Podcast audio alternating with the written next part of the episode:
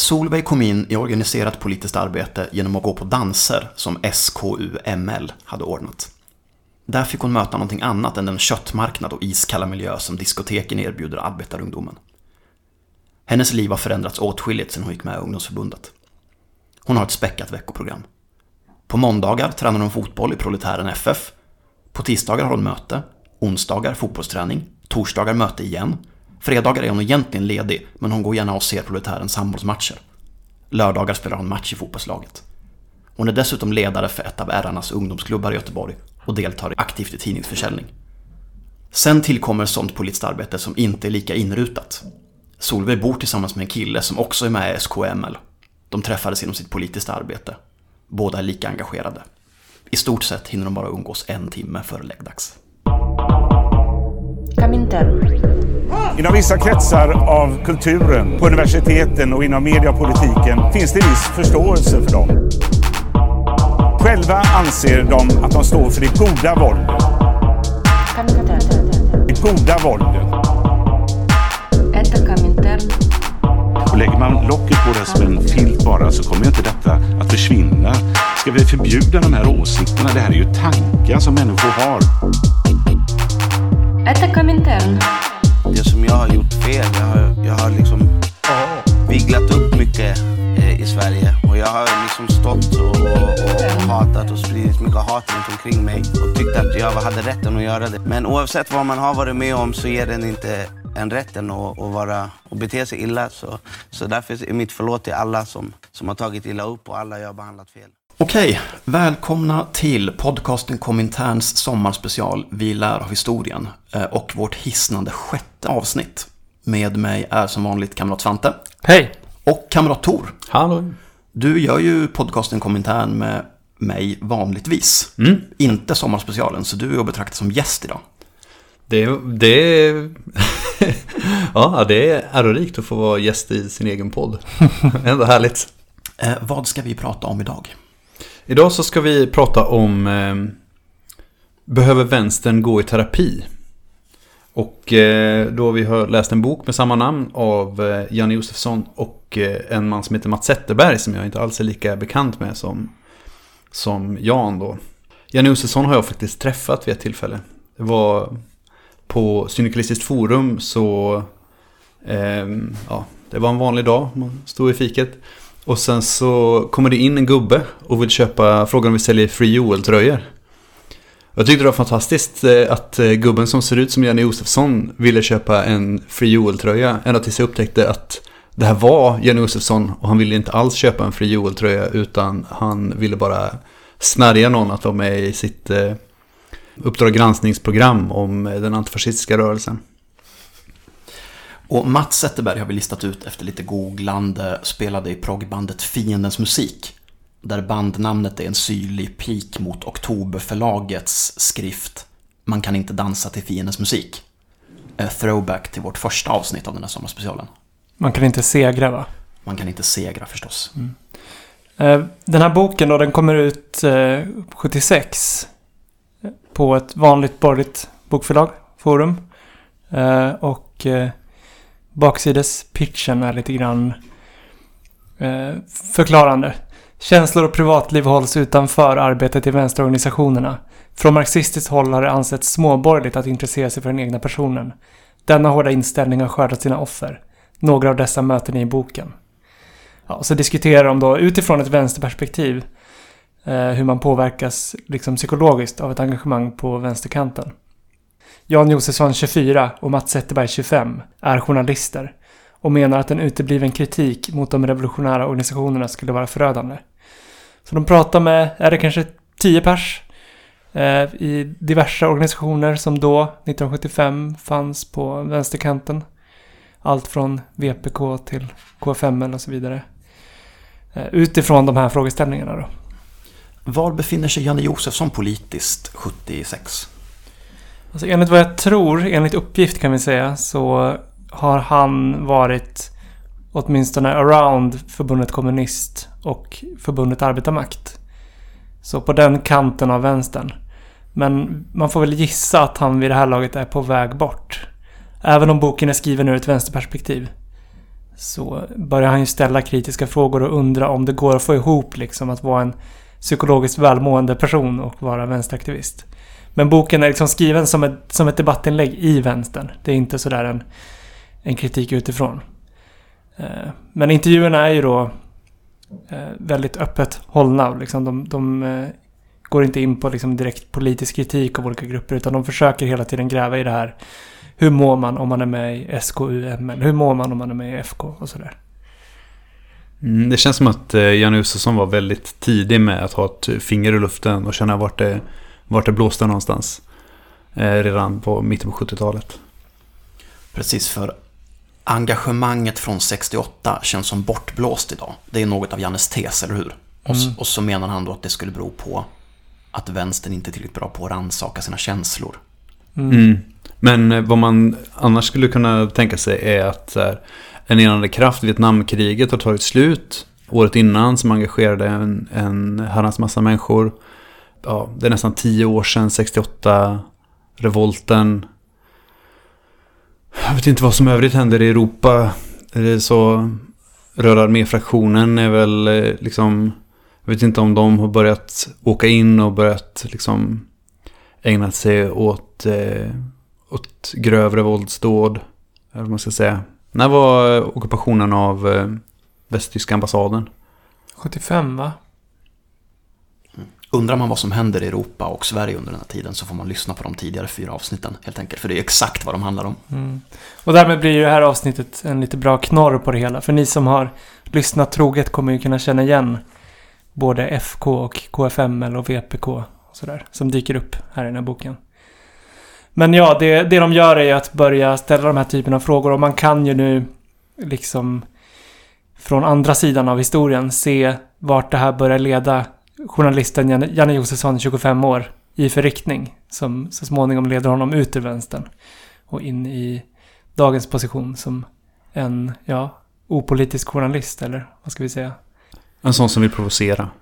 Ja. Eh, så vilka får vi möta i den här boken? Är det en per organisation? Eller förekommer samma organisation flera gånger? Eh, jag tror att det är väl någon VPK-are som har varit med sedan 1924 eller något sånt där. Som, eh, eh, och sen så är det en annan VPK-are också. Men annars är det väl en per organisation. Ska vi lista dem eller ska vi bara hoppa från... Vi angriper dem en och en va? Mm, ja. det tycker jag. Just det, en, en, rolig grej är ju att de i förordet nämner att de har ringt Jan Myrdal och frågat vad han tycker om det hela. Eh, om folk som passiviseras och glider ur.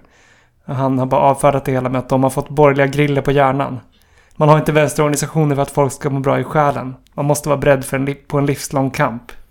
Kanske var liksom lite väl optimistiskt att hoppas att Myrdal skulle kläcka ur sig någonting mer förstående.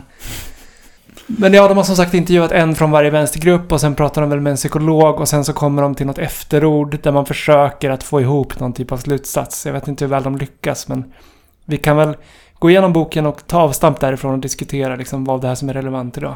Jag smyger ut ur skuggorna, låter bli sirenen med flit. Om du känner någon som flåsar dig i nacken är det en hungrig svartorit. För jag är en snutbil. Snutbil. Ja, jag är en snutbil. Först ut har vi Lennart som är med i förbundet Kommunist. Och eh, har eh, glidit ur, eller man ska säga, efter en tids eh, proletariseringsarbete i så, den skånska industrin. Han började väl som student på Lunds universitet. Och det här är väldigt betecknande för FK ändå. För den typiska FK-medlemmen som man har fått bilden av dem. Att han pluggar där, han håller på lite med FNL kanske, kommer från en vänsterfamilj. Och sen blir det dags från partiet, tycker man då, att det är dags att proletarisera sig. Det vill säga att ta jobb i industrin.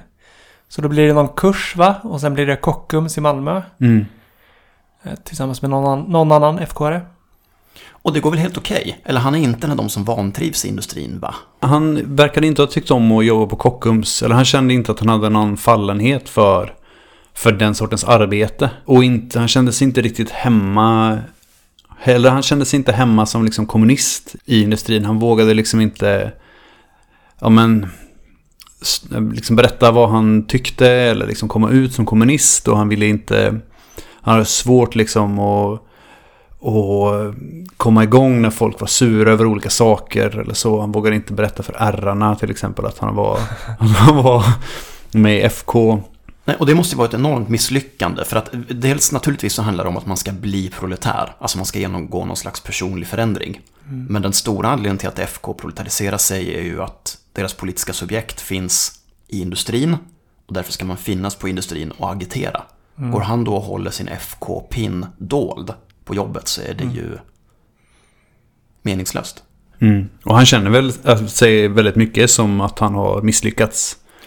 Han känner sig ju som den outside agitator som han är liksom. Han smälter ju inte in i kollektivet, han håller låg profil. Eh, ja, sådär. Och han gör ju den här resan tillsammans med vännen Frasse, som blir väldigt viktig. Som, Frasse är ju då mycket mer av en mönster-FK-are och mönsterproletär. Precis som Lennart är han student, men han proletariserar sig också. Ganska snabbt när de kommer in på Kockums så börjar de skriva liksom artiklar från anonyma Kockumsarbetare som är revolutionärer i FKs liksom, tidningar och skrifter och sådär. Och Lennart tycker att det här är lite skevt liksom. Att de kan inte riktigt tala för arbetsplatskollektivet än och sådär. Men Frasse har inga problem att bara köra på. De har knappt hunnit börja va, innan första insändaren signerad anonyma Kockumsarbetare. Jag tycker det är intressant vad som skiljer 70-talet från 20-talet. Är att det verkar varit så extremt lätt att få jobb på industrin. Eller att sen man gick dit och sen så... Och sen så började man jobba liksom. Och att det var en helt... Alltså så här, det var helt andra utmaningar som ställdes. Dels den här kaderkänslan eller kaderidén liksom om att... Eh, om man ska vara en, en eh, liksom kommunistisk förtrupp som ska, som ska leda massorna liksom. Men också att nu finns väl inte ens AUC kvar längre liksom. Så ska man, ska man komma i kontakt med, med proletariatet på det sättet nu, då behöver man ju utbilda sig ordentligt och man behöver liksom... eh, Ja, men det krävs en helt annan insats för att komma in på de, eh, Eh, på de arbetsplatserna som de är på. Liksom. Man kanske skulle kunna börja jobba i hemtjänsten. Det är väl ungefär så, ja, men så det som går lättast liksom. Men att få jobb på, jag vet inte, SKF eller, eller Volvo är betydligt lite knepigare så att säga. Ja, arbetsmarknaden ser ju annorlunda ut och som vi har diskuterat lite grann i tidigare avsnitt också så är det ju inte direkt ett problem nu för tiden att eh, vänstern består av massa softa studenter som glider fram på ett väl tilltagen CSN och kan göra lite vad de vill i livet och sen måste söka sig in i arbetsmarknaden utan mer det har ju blivit en mycket mer proletarisering av ungdomen av sig själv. Men den ser kanske lite annorlunda ut än den gjorde då, på 70-talet. Mm, precis, det är mindre, mindre blåställ och, och arbetarhandskar och sån eh, byggjobbarhjälm.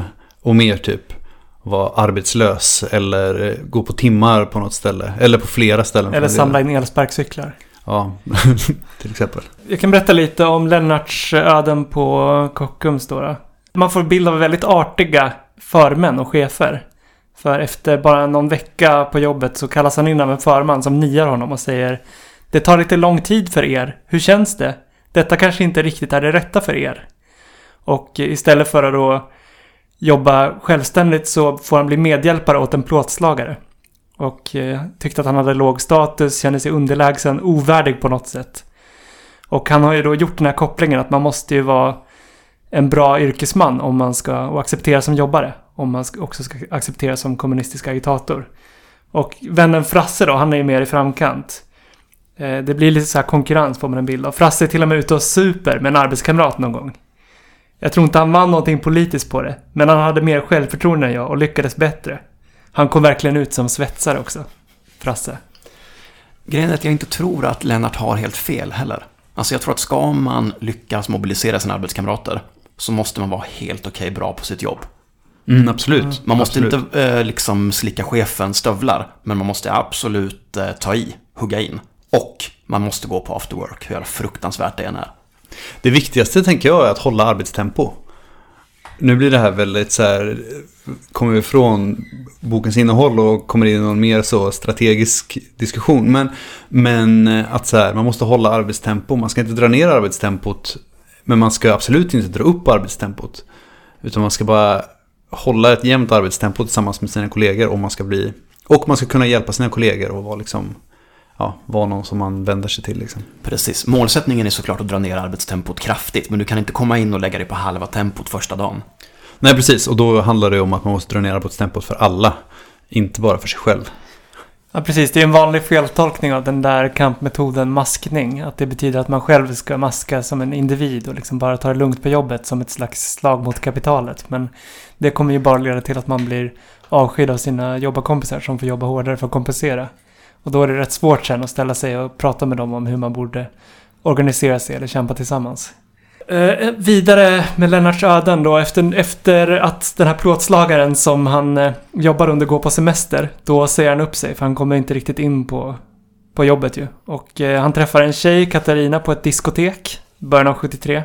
Och eh, hon får jobb som arbetsterapeut i Västerås. Så då tar han chansen att dra från sitt kollektiv där han bor som FK-are och eh, flytta med henne. Men han vill fortfarande proletarisera sig, så där i Västerås jobbar han på något bryggeri, va? Eller något sånt där. Trappar ner sin politiska aktivitet. Och han ställer ju sådana här frågor som vi diskuterade lite grann i FK-avsnittet. Att eh, om man nu ska proletarisera sig och vara mer lik en proletär. Var, var drar man gränsen då? Till exempel de bor i en villa i Lund och åker in till Kockums och jobbar. Är det inte mer rimligt då att bo i en lägenhet eh, i ett proletärt bostadsområde? Eh, och de har ju rätt bra ekonomi tillsammans liksom med sina eh, inkomster.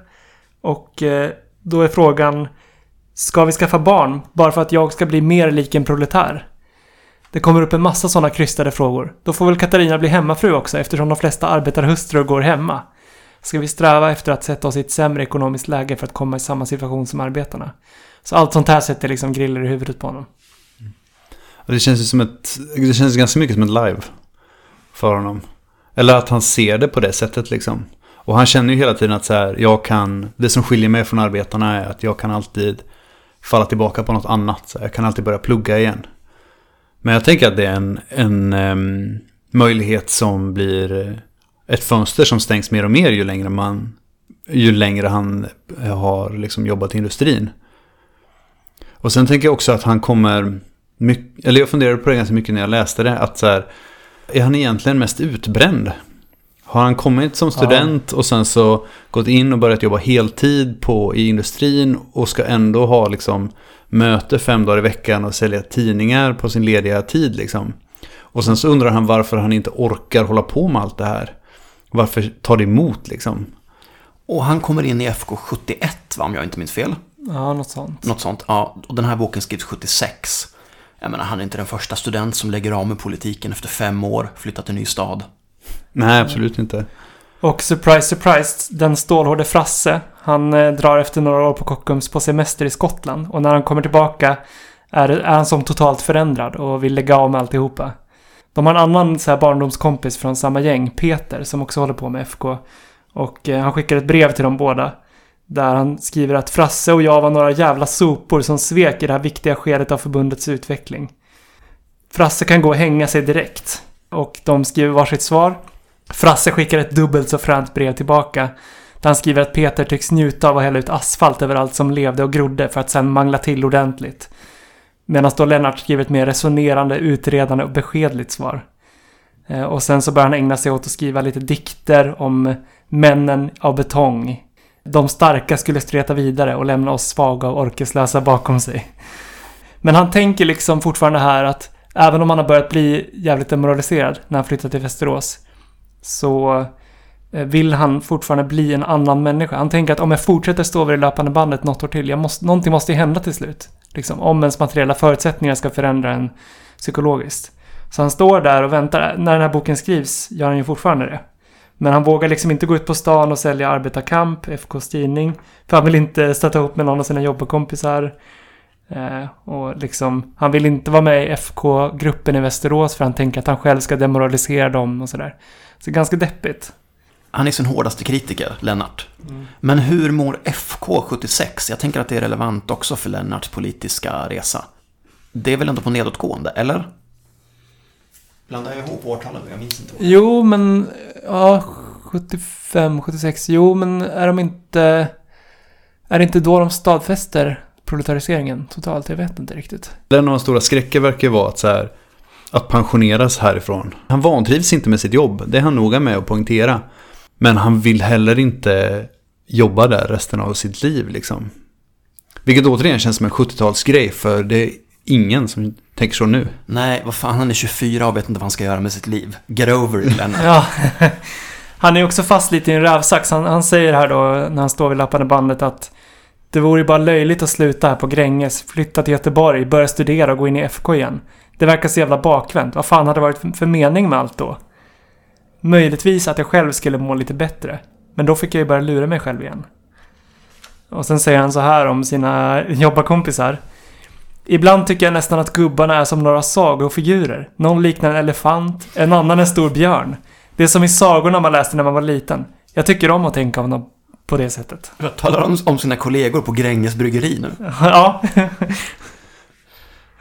Fan vad gött, så ska jag också tänka om mina kollegor. Proletariatet är verkligen ett dom för Lennart. Det är inte ett vis. Eh, hans tjej har börjat bli mer aktiv istället då, men han står ju där och liksom... Jag, jag tänker att det Lennart gör är att han liksom internaliserar och klandrar sig själv för hela det misslyckade FK-proletariseringsprojektet. Alltså han, han tycker inte att det i sig var fel, men han tycker bara att han själv var en av de svaga som inte riktigt pallade. Jag tror också att, för i början, i början av deras proletarisering så skriver han att, han, eh, att de fick väldigt mycket så här cred för att de proletariserade sig. Och att det var en så här stor grej liksom. Och så, jag kan tänka att det driver upp ens förväntningar på vad man ska kunna åstadkomma en del. Och sen så när man inte vågar gå ut och berätta för de tuffa ärrarna att man är att man är kommunist, då är det, eller att man är FK, då är det ju, då kan jag tänka mig att det liksom, eh, besvikelsen blir desto större när man har byggt upp det så, ja men så mycket med att, ja men börja skriva om sig själv som kokosarbetare på direkten och få massa ryggdunk och så beröm för att man eh, tar jobb i industrin. Han pratar ju om den där dubbelheten, eller man skulle också kunna säga hyckleriet. I att i FK är de som har proletariserat sig de tuffaste och de som, de som är typ kingar i, i förbundet. Och Frasse tar gärna på sig den rollen och liksom glider in på möten. De har ju ofta de möten eh, hela natten efter att ha jobbat hela dagen.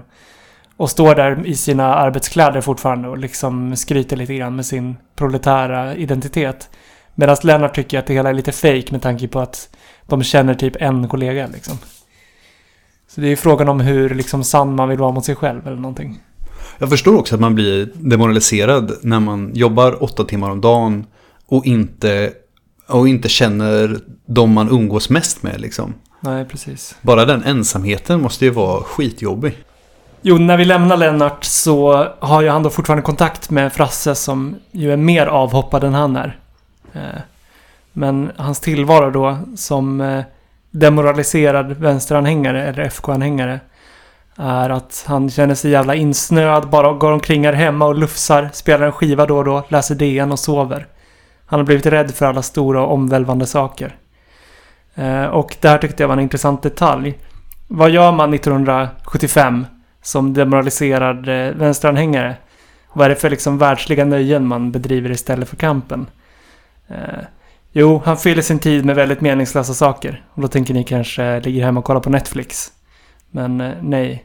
Utan det han gör är Just nu lägger jag upp ett kortregister över mina skivor. Det tycker jag är roligt. Och så är jag ivrigt sysselsatt med att spela in ett band med musik för en fest som vi ska ha snart. Det upptar en stor del av min tid. Jag kan tänka på det medan jag står vid min maskin på jobbet. Men jag tycker på samma gång att det är så jävla löjligt. Gulliga, gulliga Lennart. Alltså vilken god kille han verkar vara. ändå. Jättefin, för fin för FK och, och industrin känner man. Arbetarbröder, vi måste skapa ett kommunistiskt parti. En kampstabeledning som inte förråder hängivna klasskämpar i. Ja, ska vi hoppa på nästa person i... Det är Solveig, ja. Solveig bor i Göteborg och är med i SKUML. Alltså Sveriges kommunistiska ungdomsförbund Marxist-Leninisterna. Ja, alltså RRarnas ungdomsförbund. Vi kan säga att det är RKU på 70-talet, eller? Eh, Det var Solveigs veckoschema som jag läste som inledning till det här avsnittet. Vem är Solveig? Hon är 17 bast. Och flitig. Extremt flitig. Och också betydligt. Det var extremt stor skillnad att komma mellan de här två kapitlerna. Lennart känns så jävla deppig och sen så kommer han i Solveig-kapitlet. Som bara är ett jävla röj. Eller hon känns mycket mer så, ja men peppad och röjig liksom. Hon ger ju också en väldigt bra bild av ändå hur pass proletärt eh, ärarna var i Göteborg på, vid den här tiden. Hon är ju en eh, ja, ung proletär tjej och eh, blir radikaliserad av att hon håller på med ridning och det finns ett privatstall där, där hon måste jobba för att ha råd med sin ridning. Och bara sköta om eh, andras hästar. PG Gyllenhammar är ordförande i hennes klubb och skulle föra deras talan. Alltså ridklubben. Det tyckte jag var döäckligt. Han blev ordförande för att klubben skulle få pengar från kommunen. Ja, så blir hon lite eh, politiskt intresserad och sådär. Så har hon någon morbror som är kommunist och sådär. Så hon dras in i det. Så börjar hon gå på danser då, som verkar vara en grej. Alltså SKUML arrangerar danser. Och där kommer det fram folk direkt och frågar hur länge har du varit med i förbundet? Och sådär. Och då kände hon sig tryggare där än på de vanliga diskoteken. Jag undrar hur det skulle vara om till exempel SUF skulle ordna disco nu liksom. Det hade blivit... Ja, vad hade det kunnat bli? det jävla stå på. Bland det första jag gjorde när jag flyttade till Göteborg var att jag gick på en fest på Marx Engelshuset för RKU hade någon slags stödfest. Och på affischen så stod det öl och allsång, vilket jag ändå tyckte lät lovande. Så gick jag dit, det fanns förvisso öl, men med allsång så var det alltså Morrissey-allsång som avsågs. O- Oerhörd besvikelse för mig. Man förstår att du ville sjunga Don Berglund och, och knutna nävar.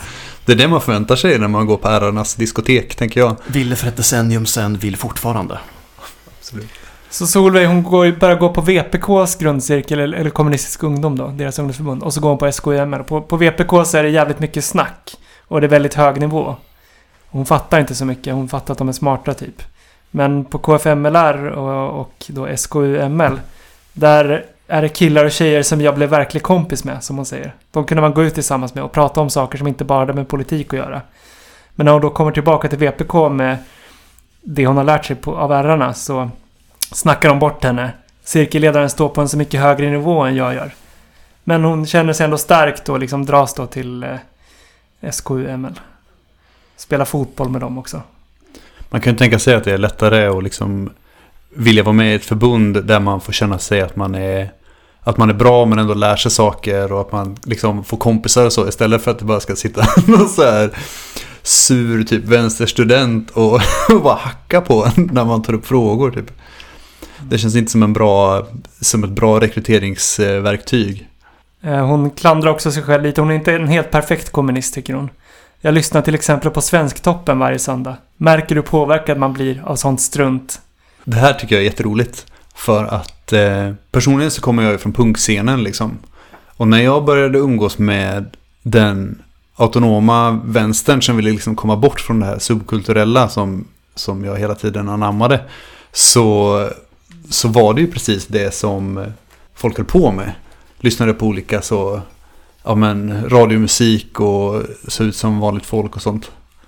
Eh, Så att den, eh, den analysen har liksom vänts bara rakt av från att från att vilja eh, att sluta inse liksom och avskärma sig mer och mer och bara gå in i det här, ja men kanske mer och mer subkulturella kommunistidentiteten liksom. Så 40 år senare så var den liksom, hade den pendeln gått hela, hela varvet. Solveig kommer faktiskt in på det här med subkultur och jargong och så. Eh, Janne Josefsson frågar, tycker du att det förekommer en särskild jargong och ett särskilt mode inom vänstern? Solveig svarar, visst gör det det, och det tycker jag är dödsjobbigt. Speciellt språket, det är det värsta av allt. Innervänsterstilen är också jobbig. Det kan hända att jag utan att tänka mig för faller in i den själv. Kanske går och köper mig ett par arbetarskor. Att sitta på kometen ger jag inte heller så mycket för. Fast jag har faktiskt varit där någon gång, men jag tyckte inte om det. Jag led faktiskt. Där satt Nationalteatern med hela sitt bihang och drack vin. De blir så sekteristiska, de umgås bara i sin lilla klick. Istället för att gå på en pub med vanliga människor och göra lite nytta. Alltså jag tror att den där sunda pragmatismen som eh, Solveig har är lite grann det som räddar henne från att bli en sån grubblande och sorglig figur som Lennart i alla fall framställs som. Mm. Och att hon är en 17-åring som är Ja, precis, precis. i början av sin politiska bana och typ träffar massa kompisar och tycker att livet är rätt gött. Mm. Alla personer i den här boken förekommer med enbart förnamn, så det är skitsvårt att kolla upp vad som hände sen. Mm. Man undrar verkligen om Solveig står där och säljer prollen någonstans. Skulle inte förvåna mig faktiskt. Jag tror att hon skyddar sig väl lite från demoralisering genom att bara inte fästa så himla stor vikt vid liksom alla krav och sådär sociala normer som finns om hur en bra kommunist bör vara och liksom hon är rätt öppen med att hon tycker att det är ganska mycket högtflygande språk och jargong och sådär. Men hon tar inte åt sig så mycket. Det är rätt strångt alltså. Mm, och jag tänker att det är livsviktigt. Mm. Att om man hela tiden har kravet på sig, som Lennart har, om att man måste vara den perfekta kommunisten. Som är liksom en, en idé som har kollektivt liksom byggts fram och byggts på hela tiden. Den, den vikten kommer man ju krossas under. Mm. Eh, och om man bara kan vara så här, nej men jag är kommunist men jag är, jag är också mig liksom. Eller jag är kanske inte perfekt. Då blir det mycket lättare att och, ja, men vara en, en fungerande aktiv person liksom. Och sen så måste man ju säga att Solveig är ju också mycket mer en fisk i vattnet. I det att hon redan har en, en trygg eh, klassidentitet. I alla fall som man får intryck av. Hon, Lennart har ju planterat in sig från en studentmiljö rakt in på en tung industri. Och ska försöka liksom anpassa hela sin personlighet och sitt diktskrivande och sådär till det. För Solveig är det mycket enklare att bara glida vidare i sitt eh, ung arbetartjej-identitet-liv. Mm. Och i Göteborg som är en så blomstrande ung kommunistisk stad också, det finns ju inte brist på sammanhang direkt. Vi är barn av vår tid. Vi är barn av vår tid. Är du rädd för ditt eget barn? Lilla mamma. Okej, så nästa person som intervjuas av eh, Janne Josefsson är Leif, 32-årig vpk i Helsingborg, på tröskeln till kommunfullmäktige. Om vänsterns medlemmar har personliga problem så beror det väl knappast på organisationens uppbyggnad. Orsakerna finner man i samhällsläget. Vänstern är i kris därför att kapitalismen är i kris. Så Leif är rätt trygg med det hela, eller hur? Psykologiskt. Han står med båda fötterna på jorden. Ja men verkligen, Leif är språklärare på gymnasiet i Helsingborg och han tillhör som han själv uttrycker det, det övre mellanskiktet. Men han trivs med det jobb som ger honom mycket tid över till politik. Det här känns ju definitivt som någon som jag skulle kunna känna. Så här, några år yngre än mig, jobbar som lärare, ja men politiskt aktiv, men rätt slapp liksom. Ja, har liksom något Twitterkonto där han retweetar Sjöstedt och kanske lägger upp liksom någonting mot SD på Facebook och sådär. Det känns lite klassisk snitt vänsterpartist. Ja, han säger också att han håller på med politik nu fyra av fem vardagskvällar i veckan. Det är för mycket och så kan jag inte hålla på hur länge som helst, konstaterar Leif. Jag undrar om det var han som satt och hackade på Solveig på så här, eh, Vänsterpartiets eh, ungdoms, eh, ungdomsförbunds studiecirkel. Alltså, det skulle inte förvåna mig om det var han eller någon liknande honom. Som lite sådär överlägsen, kan många ord och sådär. Men jag tycker att i intervjun med Leif så framstår ju VPK som skilt från den övriga eh, 68-vänstern, vilket de ju också var. Alltså det är mycket mer av en sosse kulturellt. Alltså han, tycker att, han tänker att politik är val till kommunfullmäktige, affischeringar, såklart sälja då VPKs dagstidning och åka på semester till DDR och sånt där. Men egentligen skulle han ju kunna vara en sosse också. Han tar ju inte jättehårt på det här med revolutionär livsstil och sådär. Nej, han tycker att det är helt okej att bo i villa och ha ett mellanskiktsjobb. Han säger att arbetarromantiken är fånig, folk klär ut sig. Okej, men eh, så då får han frågan. Vad skulle du säga till en partikamrat som kom till dig och sa att han inte orkar med det politiska arbetet längre? Jag vet faktiskt inte. Det är nog mest flummiga människor som kan känna så. Och sådana har vi inte särskilt mycket nytta av. Det är en helt annan sak om man inte orkar för att man är gammal eller sjuk. Man kan ju stanna kvar i gemenskapen för det. Det där är VPK-mindset alltså. De håller ju inte på med något sisyfosarbete eller jätteprojekt att proletarisera massa människor eller utveckla en helt ny revolutionär syntes. De håller liksom på med möten och samlar röster och det kan ju vara nog så betungande. Han har, vad hade han? Fyra möten i veckan. Men ändå liksom. Det, det är inte den här jättestora ambitionerna om en helt ny värld, eller hur? Nej, Le- eh, Leif är också eh, gift med en annan vpk men hon är inte lika aktiv. Så man kan tänka sig att hon bär upp till exempel hushållsarbete och reproduktiva sysslor. Det kan man gissa. Men jag skulle vilja prata lite om Sovjet, alltså så här, den dynamiken på 70-talet om att Sovjet fortfarande fanns. Jag tänker att det är en viktig grej. Att så här, han åker till, han åker till DDR ehm, på semester, men det var det många som gjorde liksom. Man åkte till en badort och fick ta igen sig liksom. Men för de här andra grupperna så var ju, alltså den revolutionen var ju något som låg inom räckhåll kände man liksom. Det gick. Det gick att göra revolution och då måste man ju också göra det. Att så här, vi kan göra som, som i Sovjet. Och det fanns liksom, alltså så här, det fanns ju väpnade vänstergrupper överallt i Europa vid den här tiden. Eller som Kina som vid det här laget är ett ännu kanske närmare exempel i tid. Mm, precis. Eller att här, Vietnam precis har slagit, har slagit USA. Så att, alltså så här, revolutionen är något som finns, som är möjlig liksom. Eh, man kan få stöd från Sovjet, man kan få liksom, eller Kina, man kan få liksom, ja men det finns en annan, en annan eh, revolutionär liksom, dynamik i form av, ja men väldigt mycket liksom, träning och, eh, eller så här, väpnad militär utbildning, eh, pengar, material, allt sånt där liksom. Och det gör ju också, ställer ju ett, en, ställer höga krav på en, men också att säga, okej okay, men vi kanske måste göra revolution. Eller det kom, framkommer inte riktigt i boken, men jag kan tänka mig att känslan finns att så här, vi kommer behöva göra revolution. Vi kommer behöva eh, liksom bygga barrikader och stå med, så här, med AK47 på gatorna och, och slåss med militär och polis. Medan den här eh, VPK-aren, han är så här, nej men vi ska bygga, vi ska bygga ett, en stark, ett starkt vänsterparti och sen så ska vi liksom Kanske vinna val. vinna val, driva en progressiv politik. Liksom. Det är inte alls på... Det är liksom... Man behöver inte ens tänka på de riskerna eller på de konsekvenserna som det skulle få. Liksom. Men väldigt många av de här grupperna som vi diskuterar idag och tidigare i serien, inte alla, men de har ju också den här fördelen som du är inne på att deras mål, eller socialismen som de tänker sig den, är någonting materiellt och reellt existerande. Alltså oavsett vad vi tycker om Sovjet, Kina, Albanien, Vietnam och så vidare. Så kan de de facto peka på någonting som finns och säga det där är vad vi vill ha. Alltså det, det blir ju mycket mer verkligt. Det måste ju vara en skjuts på något sätt. Sen där kan det också vara farligt som vi har varit inne på om man följer Kinas taktpinne hela tiden och sådär.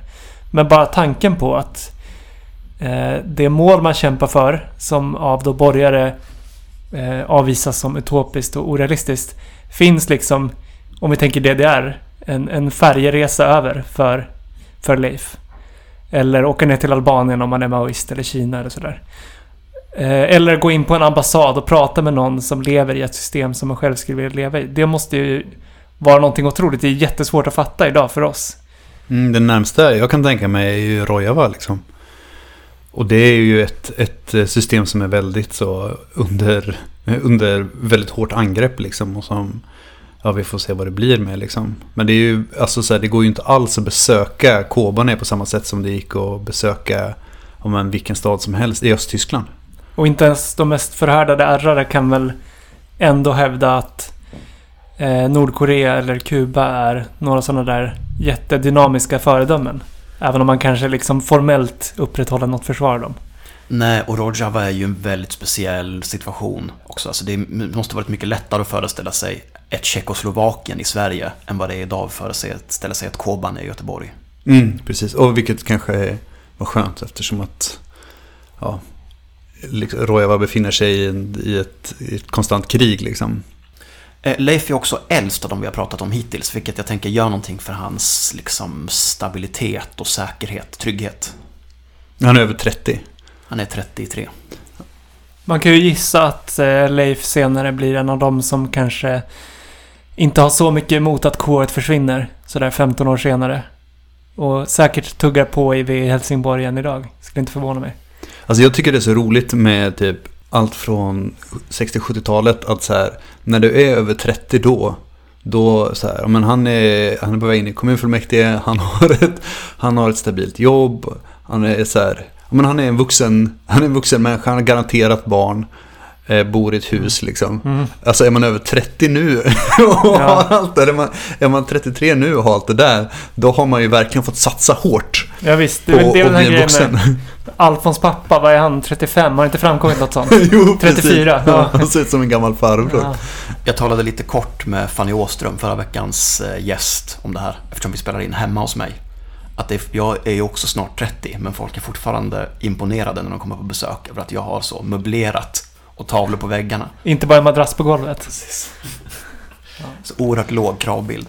All right, nästa person som intervjuas i boken är Lotta. Hon är 26, bor i Lund och har ett förflutet i kommunistisk ungdom.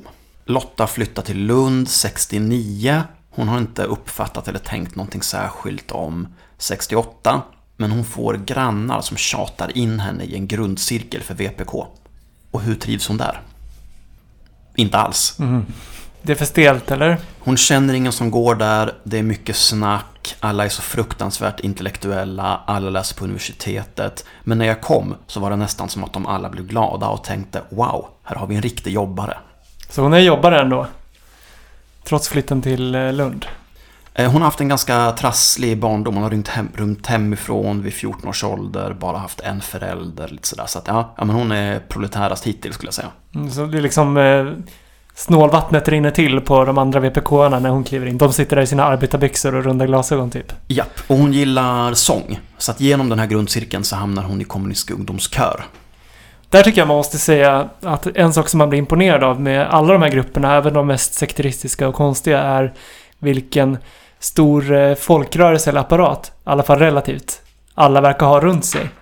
Och det här att det finns ett färdigt paket liksom eh, för eh, vad man ska jobba med om man kommer in någonstans. Det blir lite av en refräng i den här serien att vi klagar på hur, hur dåligt allting är nu i jämförelse. Det kanske man inte ska göra, men ändå att även de mest slentrianmässiga och som framställs som tråkiga grejer som partierna och förbunden håller på med är ju ändå liksom mer än vad man kan drömma om idag. Går du med i förbundet X så är det liksom grundcirkel, du ska ut och sälja deras tidning i stadsdelen. Du kommer med i din lokala grupp på arbetsplatsen eller i kvarteret. Eller i ungdomsorganisationen. Du går på danser, du får liksom förväntas kanske börja köpa skivor med deras musiker och sådär. Det är väldigt lite av det som finns idag ändå. Alltså nu är det väldigt mycket att grupper uppfinner sina egna sådär. Eh, Liksom organiseringssätt och aktiviteter. Det kanske inte heller är dåligt, men ändå rätt så ett, ett styrkemått ändå. Men jag tänker att det är dubbelt. Eller så här, dels så finns det ju jättemycket sätt för folk att komma in i de olika förbunden.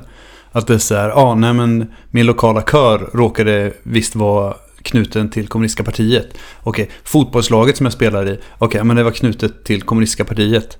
Eller att det finns massa inkörsportar men det finns ingen riktig annan kontaktyta. Om du går in i ett förbund och vill börja sjunga i kör.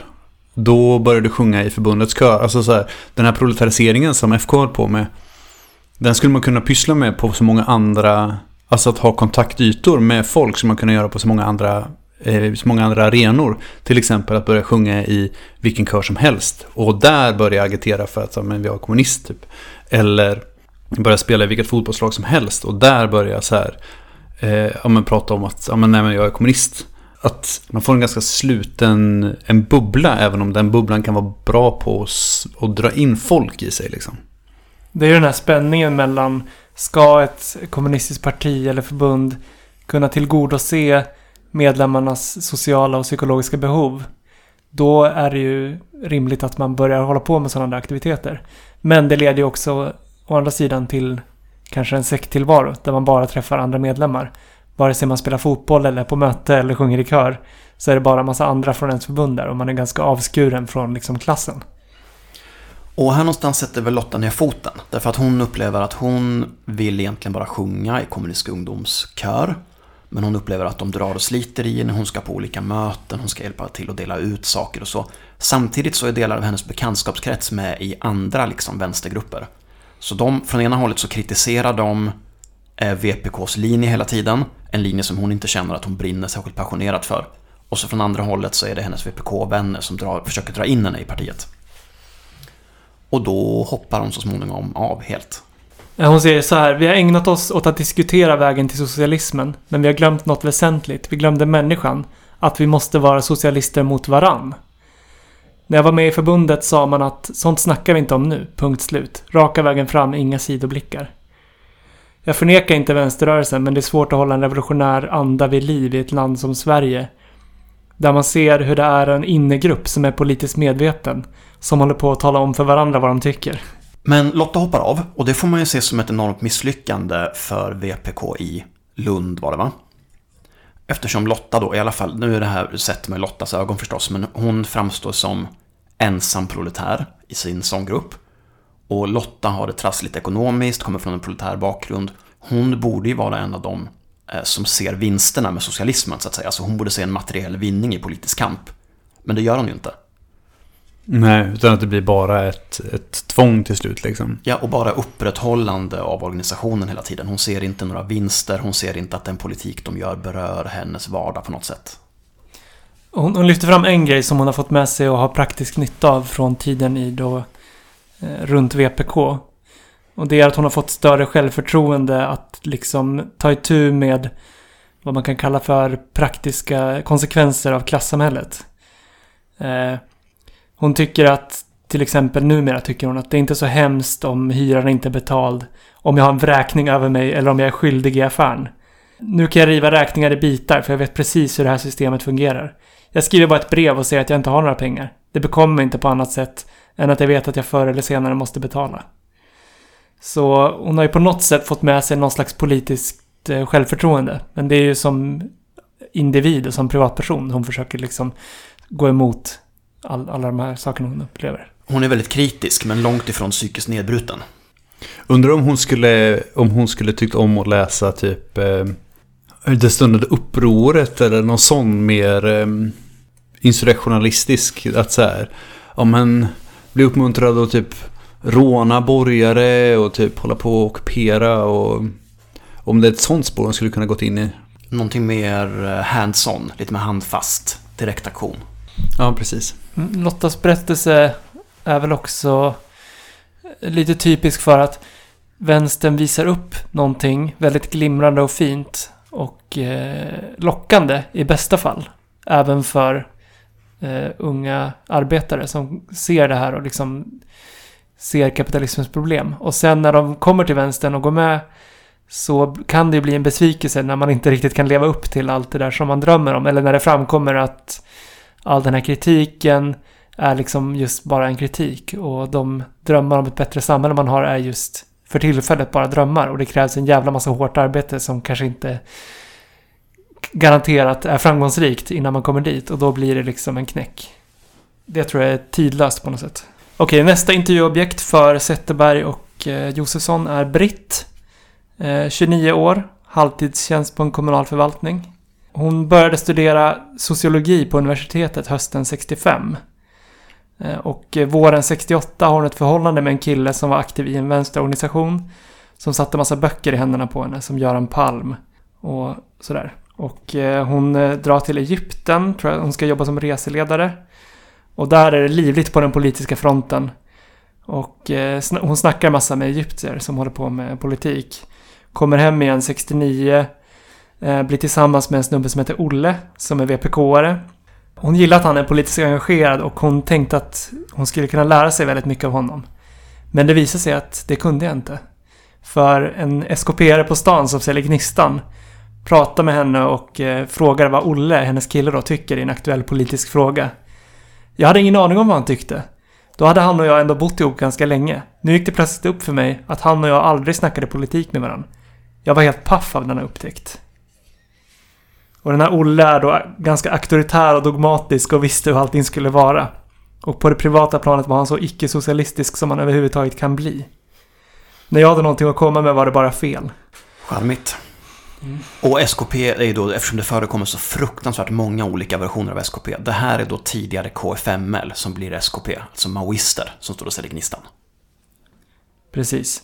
Så hon börjar gå på SKPs grundcirkel, men hon hänger också på Olle på VPKs grundcirkel. Så hon går på två samtidigt.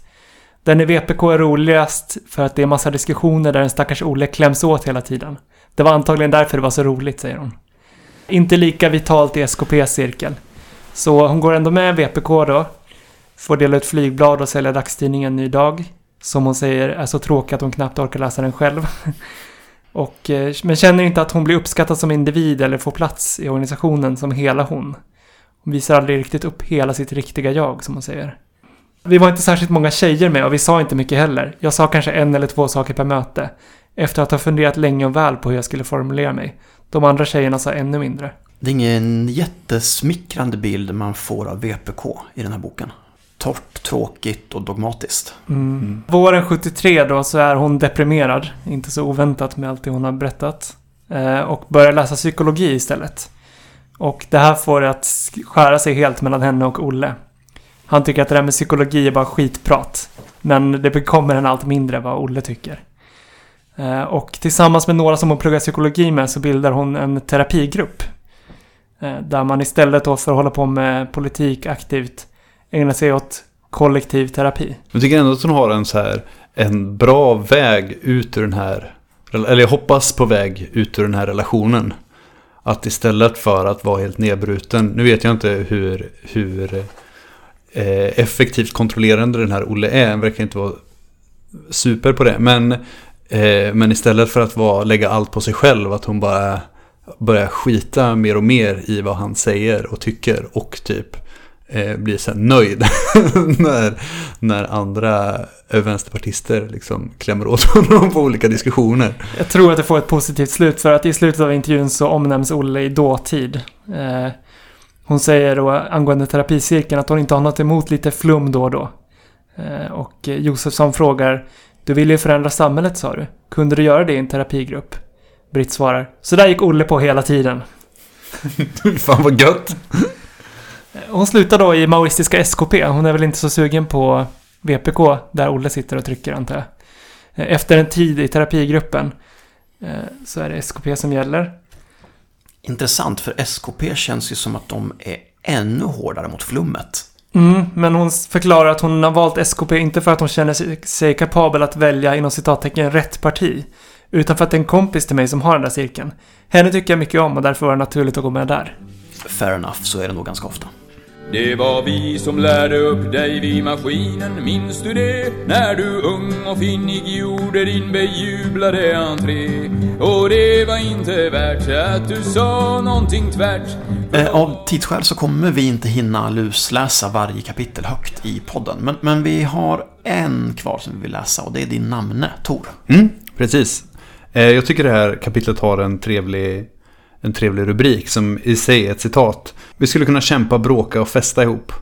Och det handlar om Tor som är citat 46 år, icke önskvärd arbetare, kommunist och agitator. Vilket betyder att han faktiskt är den äldsta. Han är äldre än den här eh, vpk som vi pratade om för en stund sedan. Just det, och med icke önskvärd arbetare, men han, då upp, han är mellanjobb så att säga. Nej, utan han jobbar i Göteborgs hamn. Eh, men jag tror att han är illa omtyckt av, eh, av sin ledning. Han började jobba i Göteborgs hamn och eh, det var i samband med det som han radikaliserades.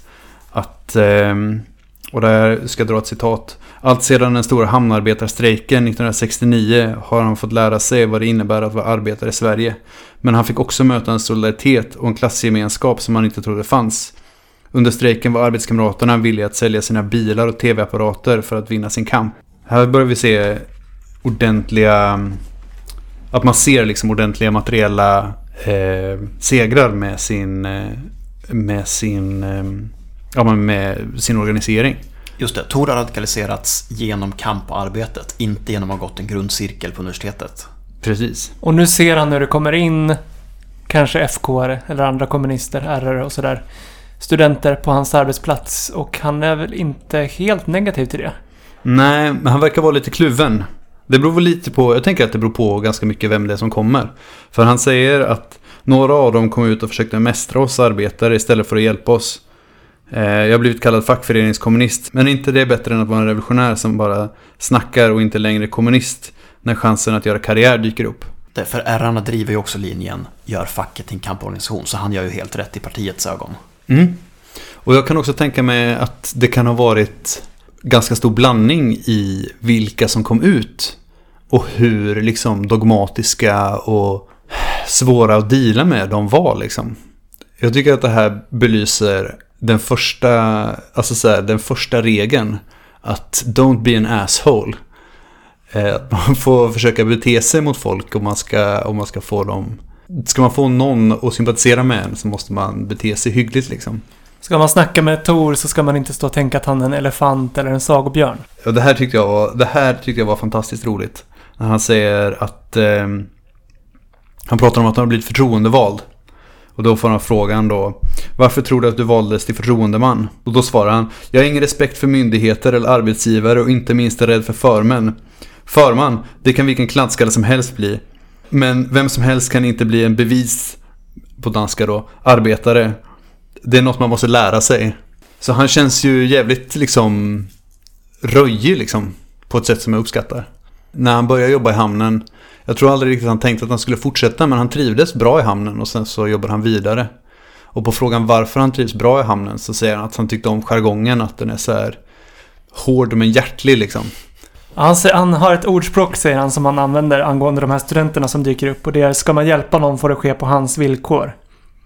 Han har läst en jävla massa litteratur om kommunismen och går igenom allt han kommer över. Men till en början så tyckte han om Vietnamkriget att ja, det är något som pågår där borta i Asien. De hemska kommunisterna slog på de små söta människorna i Sydvietnam. Men han kände liksom en, en tvivel och en tvekan. Så dyker det först upp någon kille som har läst nationalekonomi och börjat jobba i hamnen. Som ska förklara Vietnamkriget i siffror. Jag fattar inte ett skvatt. Trots att jag inte är sådär alldeles förskräckligt dum. Ska sådana figurer komma och lära oss arbetare något? Han får frågan, präglar kommunismen hela din person? Nej, kanske inte. Det händer att jag klär upp mig och går ut och spelar halvfin. Jag har en svart kostym hängande i garderoben och spansk skjorta med krås och platådojor. Tror ni jag ljuger? Jag får mina ryck då och då. Men det blir längre och längre mellan varven. Senast var det förra sommaren. Efteråt skäms jag. Eh, Det finns fler guldkorn i den här boken. Jag tänker inte minst på det sista kapitlet va, om Per som beskriver sig själv som flummare och frilansvänster. Men våra lyssnare får helt enkelt låna eller köpa den här boken själva. Eh, ska vi säga någonting om mottagandet? Finns det någon kritik av eh, Jannes och eh, Mats reportagebok? Ja, det finns en kritik som jag har hittat i alla fall och det är från förbundet Kommunist. Där man kan misstänka att de kommer från. Och som får ändå ganska stor uppmärksamhet i boken med intervjun med Lennart. Eh, det är ett, ett nummer av tidningen Kommunist som utkommer 77. Strax efter boken har kommit ut. Rubriken är eh, Boken Behöver vänstern gå i psykoterapi? Ytlig och felaktig. Eh, författaren tycker att Josefsson och Zetterberg ger en snedvriden och ytlig bild. Och han förklarar lite grann som vi var inne på det hela med att Josefsson har sett eh, den lite mer så här amorfa och röjiga Vietnamrörelsen gå upp i en mer centraliserad eh, rörelse som är organiserad i förbund med disciplin och demokratisk centralism och sådär. Här tycker författaren att eh, Josefssons besvikelse ligger. Han har missförstått att det här är ett nödvändigt steg som man måste ta och då kommer det se annorlunda ut. Sen medger han att eh, det är liksom inte 68 längre. Eh, borta är vänsterns plats på löpsedlar och dagspressens första sidor. När vi kastade ägg på USAs representanter passerade polisens järnmur och ockuperade kårhuset i Stockholm. Det var en stormande tid. Men medvet medvetenheten var inte speciellt utvecklad. Eh, och han tycker att nu så är vänstern mycket mer etablerad. Dels har man då blivit mer fast organiserad.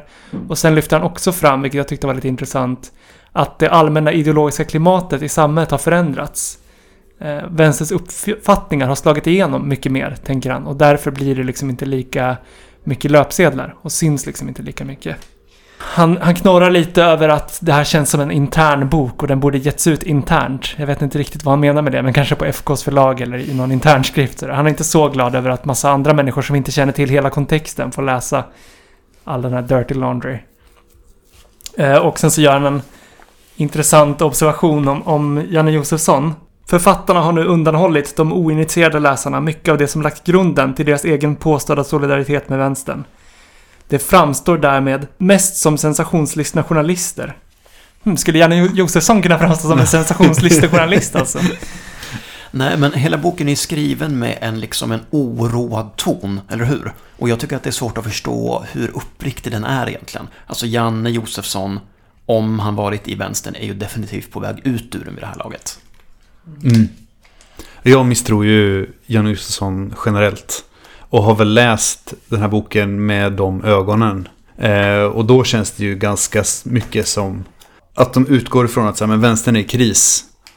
Eh, och drar upp det narrativet ganska stort. Och sen så ställer de frågor utifrån den positionen liksom. Verkligen, den positionen är ju klar. Jag misstänker att titeln kommer först och att titeln ursprungligen innehöll ett utropstecken. Vänstern mm. behöver gå i terapi. Sen får man då ge eh, Janne och Mats att intervjuobjekten bekräftar ju inte riktigt den tesen. Alltså svaren de får är ju ganska spretiga. Ja. Eh, för att bara säga en sista grej om Förbundet Kommunists svar så kan man sammanfatta det med eh, det här slutklämmen. Nej, vänstern behöver inte gå i terapi, även om enskilda aktivister kanske kan ha nytta av det. Med de här föreslagna åtgärderna, de, han har då listat att de ska bli bättre på studieverksamhet, eh, att man ska hitta på lite andra grejer än demonstrationer som man tycker börjar gå på slentrian. Det här är 77 märk väl. Eh, hålla på med kulturverksamhet och sådär. Med de här föreslagna åtgärderna kommer arbetet med att skapa en bred front mot den borgerliga regeringen att bli vänsterns bästa terapi. Och det är väl lite sådär standardsvar 1A, är det inte det? När man diskuterar om vänstergrupper kan liksom fixa sina medlemmars privata problem. Kamp mot klassamhället är den bästa terapin. I någon mening är det sant, men det är ju inte riktigt tillfredsställande tycker jag. Jag tänker att det är viktigt att, att eh, ta fasta på det här som Solberg pratar om. Att så här, hennes kapitel heter ju En bra kommunist är en bra kompis. Eller är också en bra kompis, eller någonting liknande. Eh, och att det som, det som framförallt kan hjälpa en, liksom, det är ju de eh, sociala gemenskaper som man kan hitta i samband med sin organisering. Många som jag umgås med har jag träffat genom att vi har varit aktiva i olika vänsterfrågor tillsammans. Liksom. Och då är rörelsen mycket mindre idag. Du har mycket färre personer att välja på än vad till exempel Solveig hade. Mm, absolut. Det finns inga körer och fotbollsklubbar och sådär som bara naturligt hänger med när man går med någonstans. Ja, de som finns är väl eh, fortfarande ärrarnas va? Jo, just det. Okej, men om jag frågar er då. Så undanträngda känslor, järnhård disciplin och puritanism. Eh, det är väl inte riktigt vad vi beskylls för idag, va? Eller? Nej, jag har svårt att se, jag har svårt att se de, de bitarna idag. Det är inte så att man blir, att man blir skickad, eller nu har jag aldrig varit med i ärarna, men det är inte så att man blir skickad till en arbetsplats och bara du ska vara, vi har ingen på X arbetsplats. Vi ringer på den här vårdcentralen. Ah, Okej, okay, men då får du börja jobba på den här vårdcentralen. Utan det funkar ju inte på det sättet längre liksom. Nej, paradoxalt nog så blir det ju återigen som flera gånger tidigare i den här serien att det som framställs som en svaghet och en brist är någonting man ser upp till med lite beundran så här i efterhand. Oj, var de så många? Oj, hade de så mycket på gång? Oj, var de så stora att de kunde bli beskyllda för att ha idéer om en superproletär förebild och sådär. Det finns ju inte mycket kvar av det idag. Nej. Nej, okej, okay, och det kanske inte är någonting att längta tillbaka till heller. Men nu är det visserligen ett tag sedan jag tvingades sitta i en mårunda. Men i tider av eh, mående, eh, ett, ganska, ett upphöjande av personliga upplevelser, öppenhet med psykisk ohälsa. Lite grann kan man längta tillbaka efter disciplinen och puritanismen. Eller? Ja, det slår ju an någonting när den här eh, testuggande förbundet kommunistskribenten bemöter Josefssons eh, oro med ett liksom stenhårt Lenin-citat där Lenin förklarar att vi ska göra revolution med de människor som finns idag. Och vill man må bra så får man göra det under socialismen ungefär. Det, det är väldigt doktrinärt sådär. Men... ja, jo, det är såklart ett fruktansvärt svar. Men alltså det är inte helt svartvitt. Det... Och man kan ju se på något sätt att eh, börjar man som Josefsson och Zetterberg här att fundera över hur man kan må bra som individ först och främst. Så kan det ju lika gärna slå över åt det hållet. Och då kanske man inser att man mår nog allra bäst om man får vara en granskande journalist eh, som bor i en skön villa istället för att hoppa runt på industrier till exempel. Greppet hårdnar om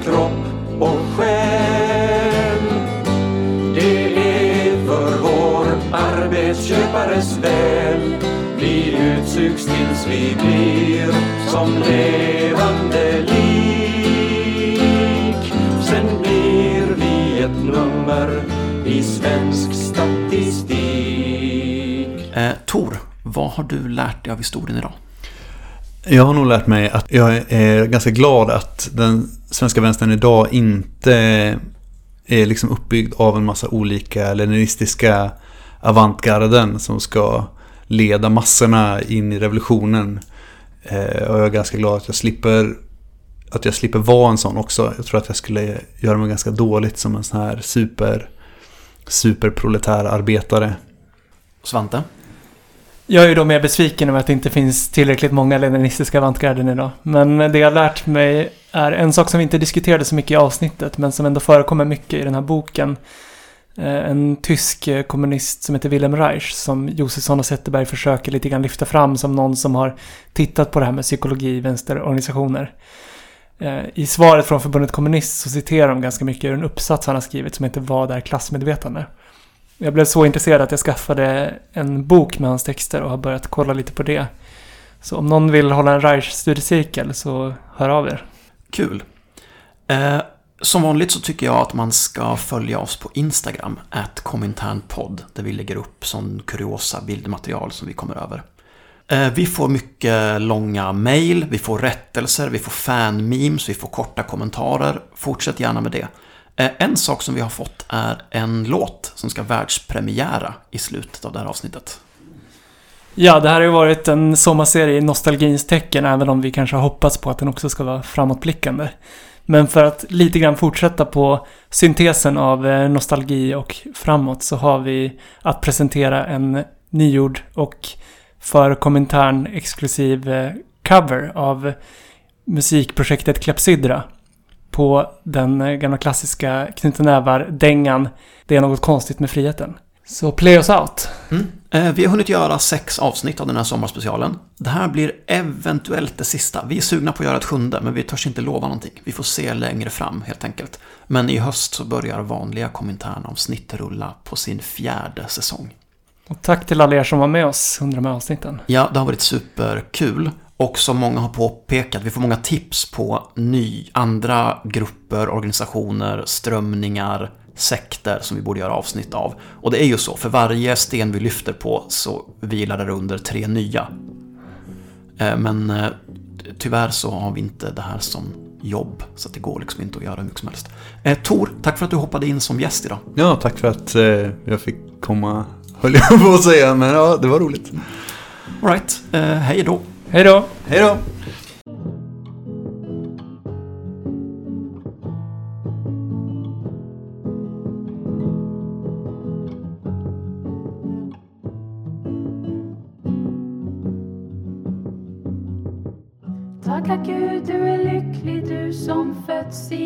Demokrati. Här får du arbeta, här får du lön, här får du vara fri.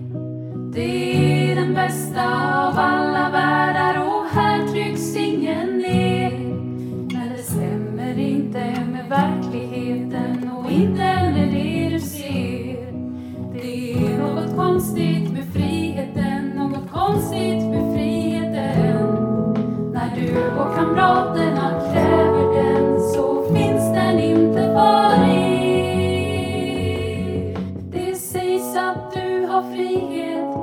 att ha vilket jobb du vill.